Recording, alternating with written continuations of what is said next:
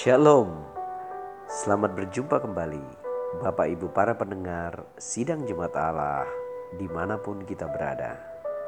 Saya percaya Bapak Ibu Saudara sekalian dalam kondisi yang sehat, diberkati oleh Tuhan, dipelihara dalam segala kebaikan dan kemurahan Tuhan. Kita akan segera mendengarkan renungan firman Tuhan dengan judul Tanda anak-anak Allah. Teks kita terambil dalam 1 Yohanes pasal 3 ayat 7 sampai dengan ayat yang ke-10. Di situ dikatakan, Anak-anakku, janganlah membiarkan seorang pun menyesatkan kamu. Barang siapa yang berbuat kebenaran adalah benar, sama seperti Kristus adalah benar. Barang siapa yang tetap berbuat dosa berasal dari iblis. Sebab iblis berbuat dosa dari mulanya. Untuk inilah anak Allah menyatakan dirinya, yaitu supaya ia membinasakan perbuatan-perbuatan iblis itu. Setiap orang yang lahir dari Allah tidak berbuat dosa lagi, sebab benih ilahi tetap ada di dalam dia dan ia tidak dapat berbuat dosa karena ia lahir dari Allah. Inilah tanda-tandanya anak-anak Allah dan anak-anak iblis. Setiap orang yang tidak berbuat kebenaran tidak berasal dari Allah. Demikian juga barang siapa yang tidak mengasihi saudaranya. Bapak Ibu para pendengar sidang jemaat Allah Hari ini kita telah membaca bagian teks yang memberikan kepada kita ciri-ciri atau tanda-tanda di mana kita dapat mengenali apakah dia anak Allah atau bukan. Nah, siapakah anak-anak Allah ini? Ya, Bapak Ibu, saya dan saudara sekalian. Kita yang telah percaya kepada Tuhan Yesus sebagai Tuhan dan Juru Selamat kita, kita yang telah menyerahkan hidup kita kepada Tuhan dengan sungguh-sungguh mengikut Dia di dalam seluruh keberadaan kita. Nah, Alkitab memberikan kita ciri-ciri atau tanda-tanda daripada anak-anak Allah. Jadi, kehidupan kita paling tidak menghidupi ciri-ciri atau tanda-tanda itu. Nah, apa saja tanda-tandanya, Bapak Ibu? Kita dapat dikenal sebagai anak Allah. Di sini dikatakan, setiap orang yang lahir dari Allah tidak berbuat dosa lagi. Jadi yang pertama Bapak Ibu Saudara sekalian bahwa orang yang telah dijamah hidupnya telah mengalami pembaharuan di dalam Kristus Yesus, dia pertama tidak berbuat dosa lagi. Oh, tapi saya masih berdosa pak. Bapak ibu bukan berdosa, bapak ibu jatuh di dalam dosa. Nah tolong dibedakan bapak ibu saudara sekalian antara jatuh di dalam dosa dan hidup di dalam dosa. Pikiran saya itu. Bedakan antara hidup di dalam dosa dan jatuh di dalam dosa. Bapak, ibu, saudara sekalian, kita adalah anak-anak Allah. Kita tidak bisa tenang lagi hidup di dalam dosa. Kalau masih ada di antara kita yang masih tenang, masih senang, masih suka hidup di dalam dosa dan batin kita tidak tersiksa, tidak mengalami uh, berbagai macam gejolak di dalamnya, maka saya perlu mempertanyakan apakah benar kita anak Allah.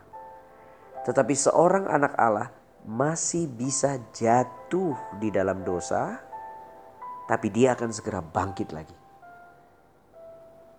Lalu setelah itu dia perlahan meninggalkan dosanya. Itu adalah tanda dari anak-anak Allah, Bapak Ibu Saudara sekalian. Nek ada orang yang berkata, saya anak Allah. Saya ini anak-anak Tuhan, anak-anak kerajaan Allah, tetapi masih hidup di dalam dosa, Mari periksa hati dan pikiran kita. Apakah benar saya ini telah dilahirkan kembali? Ataukah sekedar mengikuti perintah agama saja? Bapak ibu saudara sekalian, anak-anak Allah tidak bisa tinggal hidup di dalam dosa. Anak-anak Allah memang masih bisa jatuh di dalam dosa. Yang membedakannya adalah dia akan bangkit kembali, mengalahkan dosa itu, dan keluar sebagai pemenang. Di sini dikatakan, anak-anak Allah itu lahir dari Allah dan tidak berbuat dosa lagi. Yang kedua, sebab benih ilahi yang ada di dalam dia dan ia tidak dapat berbuat dosa. Jadi ternyata di dalam kehidupan anak Allah yang pertama tidak dapat berbuat dosa, yang kedua ada benih ilahi di dalam kita. Suatu kehidupan yang baru, ciptaan yang baru, status yang baru. Dan karena di dalam kita mengalami pembaharuan, kita tidak bisa tinggal lama-lama di dalam dosa, Bapak Ibu. Ada kejenuhan di sana, ada capek di sana, ada tertekan batin di sana, ada tidak tenang di sana, tidak ada damai di sana. Itulah sebabnya anak Allah tidak dapat berbuat dosa. Anak-anak Allah tidak dapat berbuat dosa. Dan kalau dia berbuat dosa, benih ilahi di dalam dirinya telah memberikan sinyal-sinyal itu baginya. Sehingga kalaupun dia jatuh, ia akan bangkit kembali. Nah, Bapak Ibu Saudara yang dikasih Tuhan, poin pertama, tanda anak-anak Allah adalah ia tidak berbuat dosa lagi atau tidak hidup di dalam dosa lagi. Anak-anak Allah memang masih bisa jatuh dalam dosa, tapi tidak bisa tinggal lama-lama dalam dosa. Yang kedua, ada benih ilahi di dalam dirinya yang terus mengingatkan dia tentang bahwa dia adalah ciptaan yang baru dosa tidak ada artinya lagi, godaan pasti akan dilewati, dan mereka akan keluar sebagai pemenang. Itulah tanda yang kedua. Apa itu? Benih ilahi ada di dalam kehidupan mereka. Nah, apakah yang dimaksud dengan benih ilahi? Benih ilahi ini adalah roh yang baru, ciptaan yang baru Bapak Ibu pernah melihat emas batangan? Bayangkanlah emas batangan itu saya lemparkan ke dalam peceraian. Lalu saya ambil lagi tentu dia masih kotor. Tapi karena dia bawaannya telah dibawa sesuatu yang murni. Maka dengan disiram air dia tetap murni. Nah, Tuhan telah menempatkan benih ilahi itu di dalam kehidupan kita. Mungkin kita kotor seharian, tetapi di dalam kita terus mengalami penguatan, pembaharuan, dan pertobatan.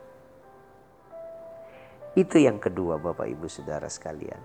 Dan yang ketiga, anak-anak Allah akan berbuat kebenaran. Jadi tentu kita akan lihat dari buahnya. Apa itu perbuatan mereka? Perbuatan mereka menghasilkan buah. Apa saja? Buah roh dengan sembilan rasanya. Ada kasihnya. Ada damai sejahtera, ada sukacita, ada kerendahan hati, ada pengendalian diri. Ada kebaikan, ada kesetiaan. Di situ adalah buah yang muncul Bapak Ibu. Dia mulai mencintai pelayanan. Dia juga akan mencari jiwa, mendorong mereka untuk datang kepada Kristus karena dia telah mengalami pembaruan. Dan ia juga akan terus mendengarkan firman Allah. Itulah yang dimaksud dengan perbuatan kebenaran.